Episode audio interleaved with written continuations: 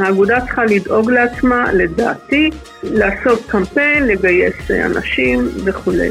לנשים אגב לא היה מקום מפגש, לנו לא היה, אנחנו לא הכרנו זו את זו לפני הקמת האגודה. ומדובר על קהילה קטנה מאוד, חסרת זכויות, ושכל הקיום שלה הוא מחוץ לחוק. כל הקהילה, אולי 30 או 40 גג, היו כולם נדחסים בחדר של איזה 4 על 5. היה לנו רדיו ממש קטנצ'יק, וככה היו המסיבות. רק יותר מאוחר, שנה או שנתיים אחרי זה, זלמן שושי תרם לנו פטיפון. אלה היו הימים. אני רואה את האתגרים שיעמדו מולנו בשנים הקרובות, ויש לנו הרבה על מה להילחם. החברה הישראלית היא יחד איתנו. אני בטוחה שאנחנו נצליח אה, להמשיך ו- ולקדם את העניינים שקשורים לקהילה. ואולי אי פעם נגיע גם לנישואים חד-מיניים, אולי, נראה. שלום שלום, ברוכות הבאות וברוכים הבאים. אני רותי פרנסדורף ואתם מאזינים לפודקאסט Straight Friendly. הפרק הזה ממשיך את נושא היזמות הגאה והוא השלישי בסדרה שנועדה להנגיש מידע על מגוון השירותים לחברי הקהילה בארץ על ידי ארגונים, עסקים, עמותות ומיזמים להט"בים. וגם אה, לעודד את כל מי שמרגיש שאין לו ייצוג למסד אג'נדה, להתארגן ולחתור לשינוי, כי לכולנו מגיע נראות, ייצוג ושוויון זכויות. בפרק הזה נדבר על המגזר החברתי, ונתמקד בהתארגנות החברתית הארצית הראשונה שהקהילה הגאה הקימה עבור עצמה בארץ. אנחנו מדברים כמובן על האגודה לזכויות הלהט"ב. נשוחח עם האקטיביסטית חנה קליין, האישה היחידה בוועד הראשון של האגודה לזכויות הלהט"ב. חנה הייתה שם ממש מההתחלה והיא תדבר על הפעילות החלוצית שלה ושל האגודה בשנים הראשונות מנקודת מבט אישית. על תפקיד האגודה היום נשמע מיושבת ראש האגודה הנוכחית נורית שיין, ולסיכום נפגוש את מיכאל רוס, היזם שמאחורי הפודקאסט שלנו, שיעשה לנו סדר בכל הנושא של עמותות, ארגונים, מגזרים והפוליטיקה שמחברת או מפרידה ביניהם. ההומוסקסואלים בישראל נאבקים על זכותם לחיים שווי ערך בחברה. לפני שיגיעו לכך, עליהם לחצות שדה רחב של דעות קדומות. דומה שהיום נטלו על עצמם כמה מהם להיות חלוצים במשימה זאת. כתבנו שמעון שיפר פגש אותם, והנה כתבתו. לכאורה ארגון ככל ארגון, חברי האגודה נרשמו כחוק במשרד הפנים תחת השם האגודה לשמירת זכויות הפרט. הוגדרו המטרות, לפעול למען חברי האגודה ואחרים להשגת זכויות הפרט ושמירתן. ועיתון הצופה מיום ג' ט' בחשוון תשל"ו פרסם באחד מעמודיו את האישור הרשמי שנשלח ממשרד הפנים על הקמת האגודה. אמרנו לכאורה ארגון ככל ארגון, משום שעל פי החוק הקיים במדינת ישראל, קיום יחסים הומוסקסואליים אסורים על פי החוק. אצלנו במידה מסוימת הכל התחיל די מאוחר, וכנראה שאולי הייתה באיזשהי מקום הרתיעה הזו מפני החוק לקום ולהגיד הנה אנחנו ארגון, הנה קמנו. אולי עכשיו גם החברה תהיה יותר מסוגלת לקבל את העניין הזה של הארגון. לחנה קליין יש חלק גדול במאבק לשוויון זכויות ללהט"ב ולנשים בישראל. היא הקימה את חוג הנשים באגודה, ובהמשך הייתה בין מייסדות הארגון א', ארגון לסבי פמיניסטי מיתולוגי שהקדים אפילו את קלף. ב-2022 הוענק לה בצדק רב אות יקירת העיר תל אביב על מצוינות נדירה בתחומי עשייה מעוררת השראה למען הכלל. חנה, מה היה הרעיון המרכזי שהוביל להקמת האגודה? האגודה הוקמה כתנועה של אה, שינוי חברתי. היא בעצם תנועת שחרור, היא תנועה לשוויון חברתי והיא תנועה להכרה בנו ובזכויות שלנו. יש לא מעט מקבילים, מקבילות לתנועה הפמיניסטית מבחינת המטרות, רק שאנחנו היינו הרבה פחות. כמה את אה, מעריכה שהייתם? היום אנחנו 11% מהאוכלוסייה, אבל אז היינו אולי שניים וחצי אחוז, חשבנו אולי במקרה הכי טוב חמישה אחוז. צריך להגיד שהמספרים לא יכולים להיות מדויקים כמובן, בגלל שרק חלק מאוד קטן היו מחוץ לארון, אבל בואי באמת נחזור אחורה בזמן לשנת ההקמה, 1975. איך היית מתארת את הקהילה דאז? מדובר על קהילה קטנה מאוד, מוחלשת, מפוחדת, מאוימת. מאוימת בפיטורים, אה, חסרת זכויות, ושכל הקיום שלה הוא מחוץ לחוק. אנשים מכירים זה את זה, הגברים, בגן העצמאות. לנשים אגב לא היה מקום מפגש, לנו לא היה, אנחנו לא הכרנו זו את זו לפני הקמת האגודה. המשפט האחרון הזה הדהד לי בראש עוד הרבה זמן אחרי השיחה. ניסיתי לדמיין מה חווה אדם שמרגיש שהוא קצת אחר ולא כמו כולם, ושהסביבה משדרת לו מסר מאוד חזק שהוא לא שייך, אולי אפילו מוקצה, ושאין לו מקום, תרתי משמע. עד כמה כל זה מתעצם כשאין לאדם סיכוי או אפשרות לפגוש ולהכיר אנשים שדומים לו ולגלות שהוא בעצם לא לבד. אני נשארת קצת עם הקונספט של מקום, או יותר נכון, היעדר מקום. כשלא קיים עבורך מקום פיזי בו אתה יכול לפגוש ולהכיר אנשים כמוך, כי עדיין אין לזה לגיטימציה חברתית ומודעות, נוצר צורך ונוצרת מצוקה. ואלה מחזקים את החוויה שאין לך מקום בחברה, בציבור ובעולם. וכל זה עוד לפני שדיברנו על הבדידות. היום זה באמת כל כך אחרת, וטוב שכך. יש המון מקומות להיפגש בהם, יש פעילויות, אירועים, מסיבות, ברים, בתי קפה, וזה נהדר. אבל יש משהו מאוד עוצמתי בלהיות בין אלה שקמים ועושים, מקימים, מייסדים משהו עבור עצמם ועבור הקבוצה הבלתי נראית שלהם, ממש מכלום.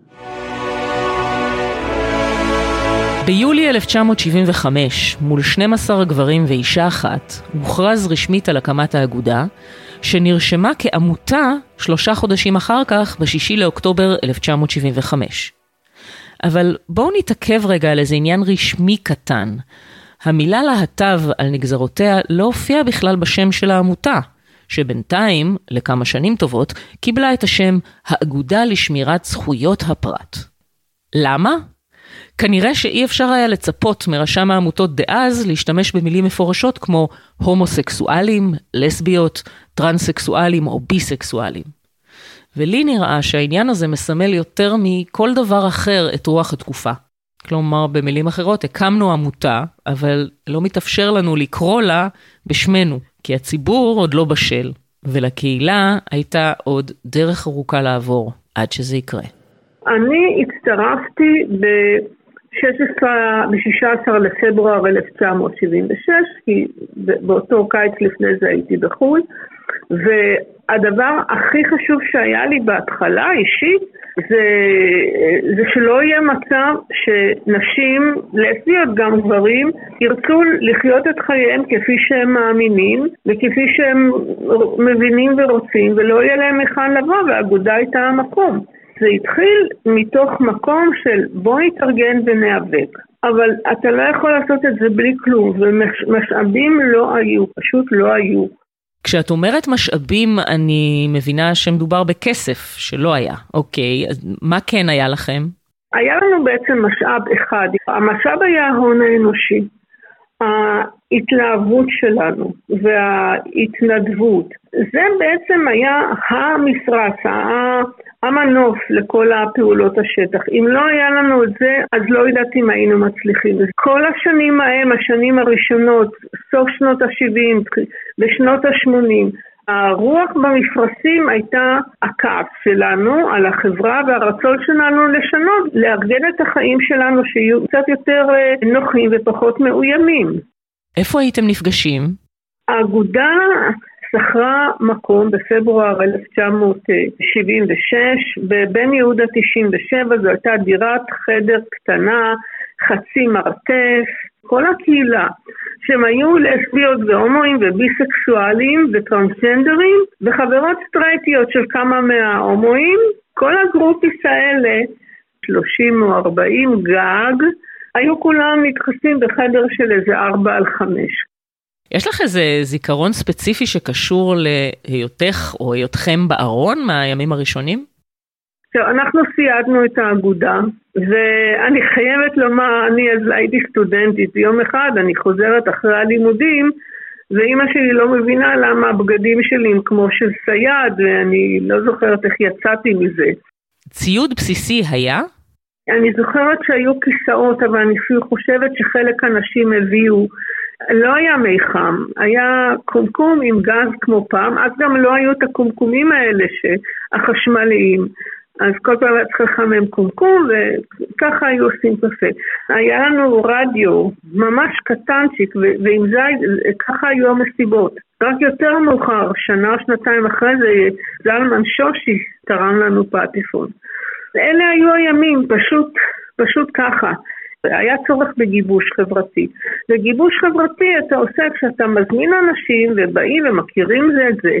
אז היו אנשים באים להכיר, באמת להכיר, וגם אה, חלקם להיות פעילים וחלקם נניח רק ליהנות מהמסיבות, או היה לנו גם ערבים של אה, משחקי קופסה, כמו שחמט, דמקה וכל מיני משחקים כאלה, הם היו ערבים מעורבים, אני מאוד אהבתי אותם.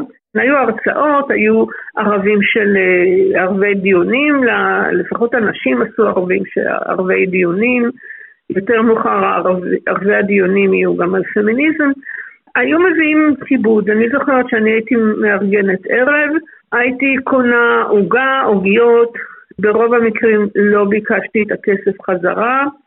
כל אישה הייתה משלמת כמה שקלים נדמה לי, זה התחיל עם עשרה שקלים, אז נניח אם באו 20-30 נשים, אז כבר הייתה הכנסה של 300 שקל, וככה מאירוע לאירוע.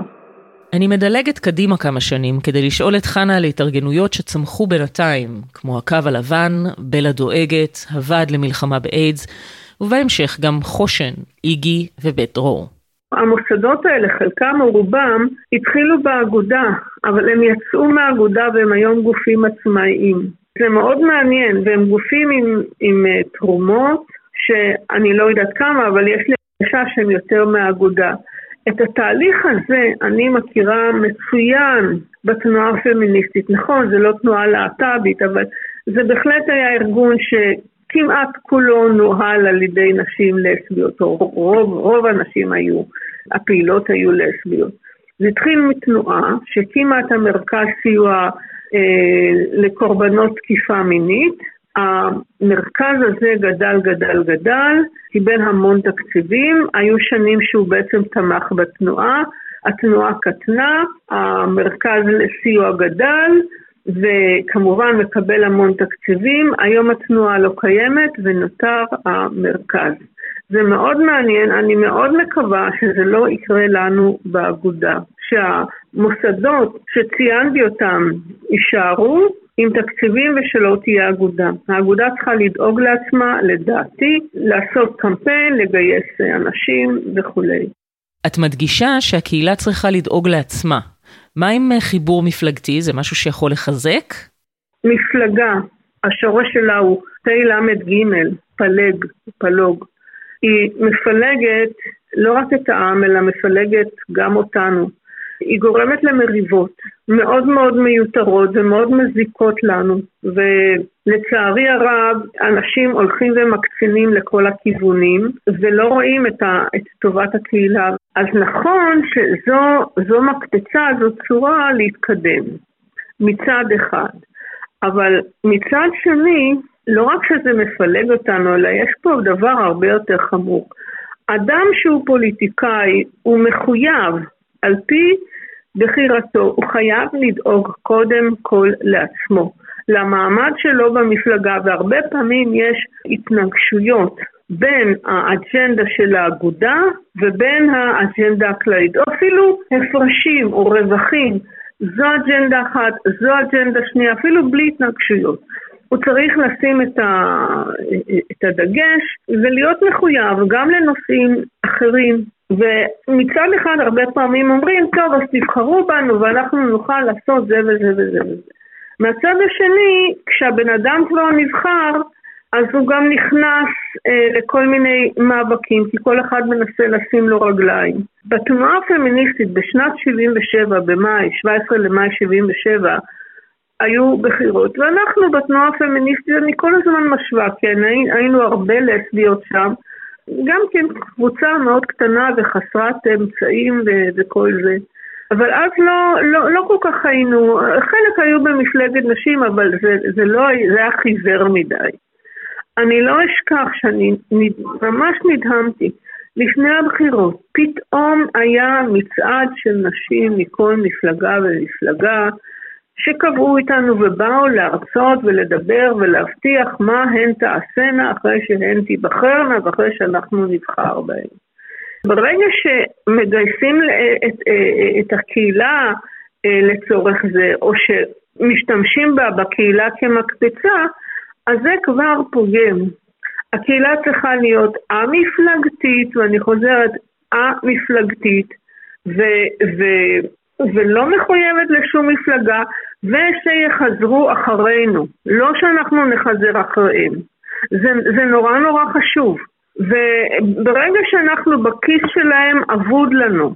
הדמוקרטיה מחבקת אותנו כל עוד אנחנו מאוחדים, והכוח שלנו הוא באחדות שלנו.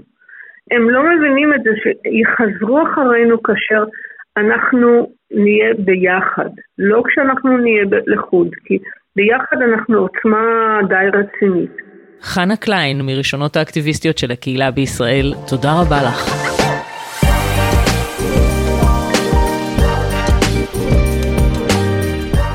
גם נורית שיין, שנמצאת איתנו כאן, עשתה את צעדיה הראשונים בקהילה בתל אביב בתחילת שנות ה-70. היום היא יושבת ראש האגודה למען הלהט"ב. איך היית מגדירה את תפקיד האגודה כיום? ישנם ארגונים שהם ארגונים אה, ספציפיים לטרנסים, ספציפיים לדתיים וכולי וכולי, וזה חשוב. וזה חשוב שיהיו את הארגונים האלה. מה שהאגודה עושה היא בעצם זאת שמאגדת את כולם ביחד, שנותנת את הגג הארגוני בחלקו עבור, עבור חלק מהארגונים הקטנים יותר, ונותנת את התמיכה, גם הכספית וגם התמיכה לימודית לאותם ארגונים קטנים, וגם נותנת את האפשרות לכל הארגונים שקולם יישמע הן בציבור הישראלי והן בכנסת, ומבחינת מחוקק. כי החשיבות שיש לנו לוביסט במשרה מלאה שמסתובב במשרדי הממשלה ובכנסת היא חשיבות עליונה עבור הקהילה הגאה. והאגודה היא זאת שיכולה, היחידה כרגע שיכולה לעשות את הדבר הזה ולהוות גג ארצי. אנחנו גם כן הארגון הארצי הגדול שיכול באמת להכיל את היכולת להביא את כל הארגונים יחד לפעילות משותפת. בחלק מהעיריות והרשויות המקומיות אנחנו עזרנו להקים תאי להט"ב, זאת אומרת שחלק מהמייצגים את, ה, את רשות העירייה אה, ו, ועובדים בעירייה מקימים תא להט"ב ועל ידי זה יוצרים נוכחות עבור הקהילת הלהט"ב באותה עיר או באותה רשות מקומית. בהתחשב ב... אה, בוא נגיד בפוליטיקה של מדינת ישראל בשלוש שנים האחרונות, אנחנו באגודה הגענו למסקנה שהרשות המקומית והעיריות המקומיות הם בהחלט כוח מאוד משמעותי בחיים שלנו כקהילה, כי אנחנו חיים בכל מקום ברחבי הארץ, ואז אנחנו יכולים להיות נוכחים באמצעות אותם תאי להט"ב בעיריות וברשויות המקומיות, ולהביא את הצרכים שלנו ולהיות נוכחים במרחב העירוני שבו אנו חיים. אנחנו עדיין לא יד ביד עם המדינה, אבל אני חושבת שגם הקהל הישראלי וגם הרבה מהנציגים שלנו אה, ברשויות המקומיות ובכנסת הבינו שאנחנו קהילה חזקה, קהילה אה, שלא מוכנה לוותר על הזכות לחיים שווים, והם מבינים שאנחנו נמצאים גם בכל מקום. ויש המון אה, רצון לשתף פעולה איתנו ולבנות איתנו ביחד את המרקם החיים והחברה הישראלית שהיא נכונה לכולנו. ו- ואני חושבת שזה חלק מהבגרות של הקהילה הישראלית ושל החברה הישראלית, שמבינה שאני סבתא של מישהי, של מישהו, אני אימא של מישהו, אני אחות של מישהו, אני בת של מישהו וכולי וכולי. ככה שאני חושבת שהיום הנראות שלנו והיכולת שלנו להיות נוכחים גם במרחב הציבורי וגם במרחב הפרטי וגם במגזר המקצועי, בהחלט מובילה את החברה הישראלית להכרה שזהו זה, ככה, זה חלק מהחיים ואנחנו פה, and כמו שאומרים, we're not going anywhere. ספרי על אה, הישגים משמעותיים של האגודה מהתקופה האחרונה. קיצרנו בהחלט את נושא של ניתוחים עבור הקהילה הטרנסית שלנו, כל הנושא של מתן דם תרומת דם על ידי הומואים הפך, ובעיקר כל נושא של טיפולי המרה, שהפך להיות בלתי חוקי מבחינת לפחות משרד הבריאות וכל הדברים שנוגעים לזה. אני חושבת שאלה הישגים עצומים שהצלחנו להשיג. משפט סיכום עם הפנים לעתיד? אני רואה את האתגרים שיעמדו מולנו בשנים הקרובות, אבל אני בטוחה ש, שנצליח. אנחנו לא קהילה שנסוגה מלהילחם על החיים שלנו, ויש לנו הרבה על מה להילחם, על, על עצמנו, על הילדים ועל הנכדים שלנו, ואני חושבת שאנחנו הגענו למצב שבו החברה הישראלית היא יחד איתנו, ולא משנה מה המצב יהיה מבחינה חוקית או ממשלתית, אני בטוחה שאנחנו נצליח אה, להמשיך ו- ולקדם את העניינים שקשורים לקהילה. ואולי אי פעם נגיע גם לנישואים חד-מיניים, אולי, נראה. נורית שיין, יושבת ראש האגודה למען הלהט"ב, תודה רבה לך.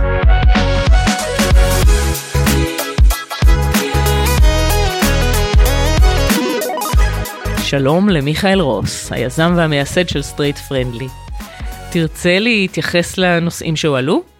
טוב, עלו שם אה, הרבה מאוד נקודות. אני מסכים עם הרבה מאוד מהדברים, יש לי אבל אה, עוד גישות ועוד אה, זוויות אה, לנושא. שתף אותנו.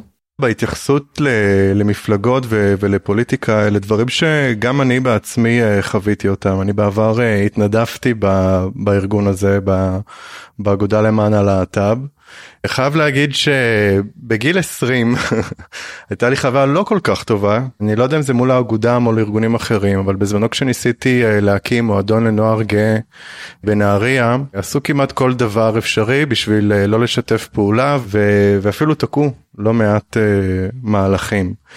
אבל אני החלטתי לנסות ולעשות ולו קצת איזשהו שינוי מבפנים והיום אני לא בארגון הזה היום אני כבר כמה שנים שאני לא מתנדב באגודה ואני לא היחיד אני חושב שגם uh, הרבה פעילים ופעילות שאני מכיר הם עזבו או את הארגון הזה או ארגונים uh, אחרים מכל מיני סיבות אני חושב שיש המון המון המון סיבות uh, ואני חושב שחשוב uh, להעלות את, ה, את הנקודה הזו. כי בסופו של דבר זה כמעט בלתי אפשרי להקים אה, ארגון שכולם אה, יסכימו פה אחד עם, ה, עם האמירות ש, שיוצאות ממנו. יכול להגיד שבאופן אישי, אה, גם כשהיה את המחאה של 2018, מאוד לא הסכמתי עם חלק מה, מהאמירות, מהדוברות ש, שנעשו, בעיקר אלה היו אמירות שזה כבר לפעמים לא היה ברור אם הפוסטים והאמירות הן של ארגון א-פוליטי או שזה סניף של מפלגה כזו או אחרת. וזה דבר שהוא מאוד חשוב אה, לציין ולהעלות אותו כי הנושא של הזהות הלהט"בית הרי להט"בים יש אה, להט"בים שהם חרדים וימנים ושמאלנים ו, ו, ואין סוף אה, דעות שונות עכשיו יש גם איזשהו קושי שנמצא כאשר יש ארגון שהוא ממוסד ויש לו תקציבים והוא זה שמקבל את ההחלטות לפעמים זה יכול מאוד להקשות על הפעילים היותר מקומיים אלה שהם לא ממוסדים בארגון כזה או אחר ואין תקציב מאחוריהם. והשאלה איפה גם באים לידי ביטוי עוד קולות נוספים. תן לי דוגמה. אה, אגב הפודקאסט הזה הוקם אה, מתוך איזשהו אה, רצון ומטרה להביע עוד קולות שלא התאפשר לא התאפשר להביע אותם במקומות אחרים. העולם מאוד מאוד מאוד השתנה טכנולוגיה מאוד השפיעה על הדברים האלה. היום אה, כל אה, יוטיובר פודקאסטר אה, יכול לפעמים להגיע להשפעה ולקהלים ש, שארגונים ממוסדים לא יכולים להגיע אליהם. אנחנו רואים את זה גם בזירה הבינלאומית. למשל ארגונים או חברות מסוימות למשל פייסבוק היום התקציבים וההשפעה שלה הם חזקים וגבוהים יותר מאשר של כמה מדינות בעולם. אז uh, אני חושב שהזירה היא, היא הרבה יותר uh, מגוונת והכוח הוא לא נמצא כבר uh, רק אצל העמותות והארגונים. בפרקים הקודמים בסדרת היזמות, אתה דיברת על המגזר הראשון, הציבורי, ממשלתי, ועל השני, הפרטי והעסקי. אתה יכול להסביר במה נבדל המגזר השלישי החברתי של העמותות והארגונים? המגזר השלישי של העמותות והמיזמים החברתיים הוא מאוד מאוד מאוד שונה.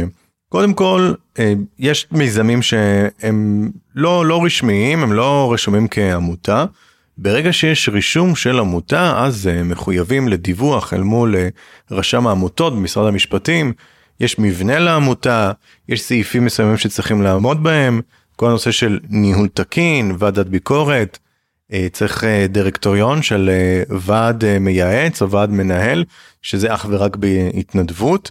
Uh, מתחת לוועד יש את המטה, את המנכ"ל, ובעצם יש פה חיה שלמה שצריכה לדווח למדינה ולעמוד בסעיפים כאלה ואחרים, למשל לעמוד במטרות העמותה. וההכנסות חלק גדול מהן מבוסס על גיוס משאבים מתורמים וקרנות פילנטרופיות. ואולי זה גם איזשהו יתרון שיש לעמותות בפן הזה שהן מחויבות לאיזשהו קוד אתי מסוים עם זאת אי אפשר לנתק את הפוליטיקה שנכנסת לעמותות בטח פה בסיפור של עמותות הלהט"ב כל הנושא של אה, פוליטיקה של אה, זהויות בכלל בשנים האחרונות אנחנו גם רואים כניסה של אה, מפלגתיות חלק מהארגונים מהווים איזשהו קרש קפיצה איזושהי מקפצה לכניסה לחיים פוליטיים. אני הלכתי להתנדב באגודה למען הלהט"ב התנדבתי בקו הקשב ויש עם לדבר. ואז היה את הבחירות לוועד אה, אני בעבר כבר לי להתנדב בעמותות אמרתי יאללה מעולה אני אני אתרום לארגון וכך חלק היה לי גם חשוב לבטא קול של מישהו שבא מהצפון מנהריה ודובר רוסית וראה עולם ראה דברים. ואני לא, לא אשכח את זה שכשהיה את הבחירות אף אחד מהמועמדים בכלל לא התנדב בארגון ולא הכיר אותו זה כל מיני אנשים שנכנסים מבחוץ. היום זה דבר שהוא מאוד uh, מחפשים את הטיקט הזה. היום כל מפלגה שאנחנו רואים כשיש בחירות היא חייבת כמו שאם בעבר היה חייבים להכניס את הדמות שמייצג את הדתיים או את דוברי הרוסית או את הנשים היום מפלגות חייבות להראות שיש להם חבר כנסת או חברת כנסת פוטנציאליים שהם מקהילות הלהט"ב אנחנו רואים את זה גם ממש אה, בחו"ל עם דמויות שבעצם הם הגיעו לפוליטיקה לא מעט מהם דרך הפעולה בעמותות. עכשיו כל עוד זה משרת את העמותות ואת הקהילות אחלה נהדר אבל לפעמים האינטרסים הם לחלוטין מתנגשים.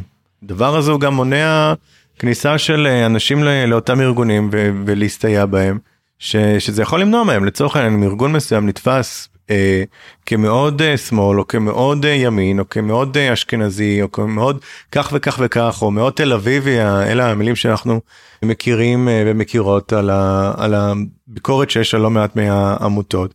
זה ירחיק אנשים זה ירחיק את החובשי כיפה זה ירחיק את הימנים. גם אני זוכר שאני נגיד שומר אה, שבת בדרכי בדרכי החילונית וכשאני מעלה את הטענה הזו מול לא מעט אה, פעילים וארגונים זה דבר שנתפס כ... לא אתה לא יכול כאילו מה זאת אומרת. ולפעמים המטה ההנהלות של, ה... של הארגונים זה איזשהו מיליה מאוד מאוד uh, מסוים. המיליה מכתיב משהו פה? מה הסיכוי שנמצא אישה אה, טרנסית אה, מזרחית שהיא תהיה מנכ"לית של אחד מהארגונים האלה. נשמע מדבריך שהסיכוי מאוד נמוך. זאת אומרת אנחנו קהילה שכל הזמן דוחפת ומדברת ל diversity אבל איפה ה diversity נמצא גם בתוכנו אני חושב שאנחנו לא רואים מספיק אה, דמויות במה שנקרא הנהגה הגאה.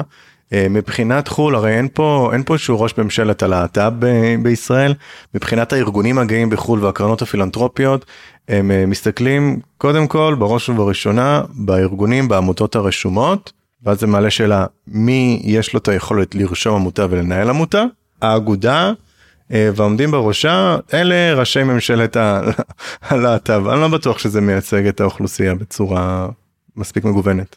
אני חושב שבסופו של דבר העמותות של, ה, של הלהט"ב זה לא מצב כמו של אה, הרבה מהעמותות שאנחנו מכירים שגם בהן יש פוליטיקה ואז פה עם, עם הזהות הלהט"ביות זה עוד יותר מעצים את זה אני אסביר. עמותה להגנה על הסביבה. זה די פשוט אה, להבין בעמותות האלה מי הטוב ומי הרע, מה השחור ומה הלבן. פגיעה בסביבה זה רע, להציל את הסביבה זה טוב. איפה זה נכנס פה בנושא הלהט"בי? כאילו, מהו השיח בעצם הלהט"בי? איזה מין דבר אנחנו רוצים לקדם? וככל שאנחנו צוללים מטה ומטה אנחנו רואים שיש פה קבוצות אינטרס שונות עם אינטרסים שונים ומאפיינים שונים. זה כמו שכשהתחילה התנועה הגאה בארצות הברית אה, זו דוגמה נהדרת כי אלה שעשו את אה, סטורמול ואת המחאה שם המון מהאנשים האלה זה אנשים שכבר לא היה להם מה להפסיד מה שנקרא אנשים שהגיעו כבר ל, לרחובות. People of color, color אנשים שחורים היספנים טרנסיות וכן הלאה. ואז כשהמאבק התחיל והוקמו הארגונים בארצות הברית הם בעיקר התעסקו בעניין של לא יפלו אנשים במקומות עבודה אבל רגע, המון מהפעילים בכלל אין שום סיכוי שהם ימצאו מקום עבודה, הם צריכים לי, אה, להתמודד ביום יום עם דברים כמו, כמו מכות ברחוב, דברים שהם הרבה הרבה הרבה יותר אה, אה, בסיסיים. ולכן יש איזושהי בעיה מאוד מאוד אינהרנטית בעיניי בניסיון של גוף כזה או אחר להגיד אנחנו מייצגים את כולם כי אין יכולת כזו וזה פוגע בעניין הזה של מה שנקרא bottom up. זה מרכז מאוד את, את הכוח בקרב קבוצה מאוד ספציפית וזה מקשה על אנשים שנמצאים יותר מטה או מחוץ למעגל המיליה. אה, ראינו את זה מאוד בפרק למשל שעשינו עם אה, קובי טרקאי על הלהט"בים האתיופים. מה ראינו שם? ראינו שם שבסופו של דבר הנה לדוגמה אין להם איזשהו ארגון ממוסד הם, הם עוד לא הם עוד לא שמה ומצד שני הרבה פעמים כשהם פנו למקומות השונים לארגונים השונים במטרה לנסות ולשתף פעולה לא תמיד הבינו מה הם צריכים. אז מה אתה מציע? איך אפשר כן לנהל את הדברים יותר נכון? היום בשביל לעשות uh, פעילות חברתית כזו או אחרת לא חייבים ללכת ולפתוח uh, עמותה. אפשר גם uh, לפעול דרך uh, עמותות uh, קיימות ולו להיעזר במבנה הארגוני שלהם. זאת אומרת שהם יוכלו להיות צינור שדרכו אפשר לקבל תרומות למשל. והייתי גם אומר מצד אחר אם אתם רואים שאתם עובדים על איזשהו חזון או קידום מטרות שהן מאוד ספציפיות אליכן וזה לאו דווקא מתחבר לארגון כזה או אחר תאגדו עוד אנשים סביבכם תכירו תלמדו קצת את, את הזירה. זה גם מה שקצת הובא פה במידע בפרקים האלה. ואפילו גם עלינו איזשהו סרטון אה, ביוטיוב שמסביר את ההבדל בין המגזרים השונים ו, ופשוט אה, להתחיל ומצד שני מה שחשוב בצד של העמותות והארגונים זה כבר צד שלישי אז שלישי שלנסות ולאפשר אה, לעוד דמויות ולעוד אנשים ולעוד מיזמים לקום ו- ולאו דווקא לחפש את הקול הארצי. בוא נראה אם הבנתי נכון. מצד אחד אתה אומר אם יש לכם אג'נדה, אם אתם תת קבוצה, תת קהילה, קבוצת אנשים עם אה, אינטרס משותף אה, שמחבר ביניהם, זיהיתם שיש לכם אג'נדה, כדאי להתחיל אה, להתארגן סביב זה. אפשר גם לפעול דרך עמותות אה, קיימות, נגיד במקרה זה האגודה, אה, ומצד שני אתה אומר, אבל אולי אנחנו לא חייבים כל הזמן לחפש איזשהו קול שהוא ארצי כולל ומייצג את כולם. אתה לא מסכים איתי שיש פה איזושהי סתירה פנימית? אין פה תשובה שהיא, שהיא פשוטה. באקטיביזם, באקטיביזם הוא יכול להיות גם עמותתי, גם עסקי, גם חברתי, גם פוליטי, יש הרבה מאוד דרכים שונות, שכל אחד יבחר איפה, ש... איפה ש... שהוא מוצא לנכון אה, לעשות את זה. אז מה ההצעה שלך? הייתי מקים פרלמנט להט"בי, נשבע לך. ממש כזה, כמו שיש אה, את הכנסת, או בית אה, נבחרים כזה או אחר. שמה יאפיין אותו? מה שיאפיין זה שזה באמת ייבחר על ידי אה, היום הבחירות שנעשות נגיד למקומות כמו האגודה למען הלהט"ב זה רק אנשים שהם חברים בתוך אותה עמותה ספציפית. זה לא באמת מייצג את, ה, את המגוון של הקהילות הגאות. תראי הרי להט"ב זה מיעוט וזה מיעוט שנמצא בכל סוגי האוכלוסיות כמו שציינו מקודם ואנחנו לא רואים את זה מספיק uh, בא לידי ביטוי בפרונט בואי נגיד ככה. אז אולי זה העניין בעצם שלהיות להט"ב זה להיות קודם כל משוייך למיעוט עם כל ההשלכות של זה ומצד שני אותו מיעוט uh, נמצא בכל הספרות והחלקים של החברה. מבחינת מוצא, מבחינת uh, מצב סוציו-אקונומי, מבחינת uh, מקום מגורים, אז בעצם אתה אומר מי שמנהל את העמותה המרכזית שאמורה לייצג את האינטרסים של הקהילה, הוא מיליה, וזה לא ייצוגי. ברוב הפעמים, כן. זאת אומרת, אני מאוד אוהב את האנשים שמעורבים, אבל, אבל אני לא מרגיש שהם, לא רובם לא מייצגים מדויק. אותי. אותי הם לא, הרבה מהם לא מייצגים. אותי ועוד הרבה אנשים שאני בקשר איתם. מיכאל רוס, תודה רבה.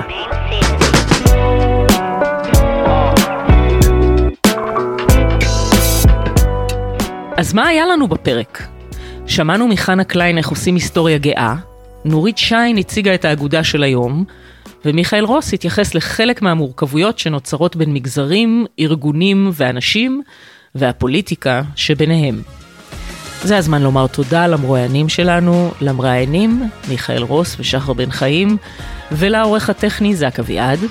תודה מיוחדת לקרן FNF על התמיכה. אני רותי פרנסדורף, ואתם האזנתם לסטרייט פרנדלי. להתראות.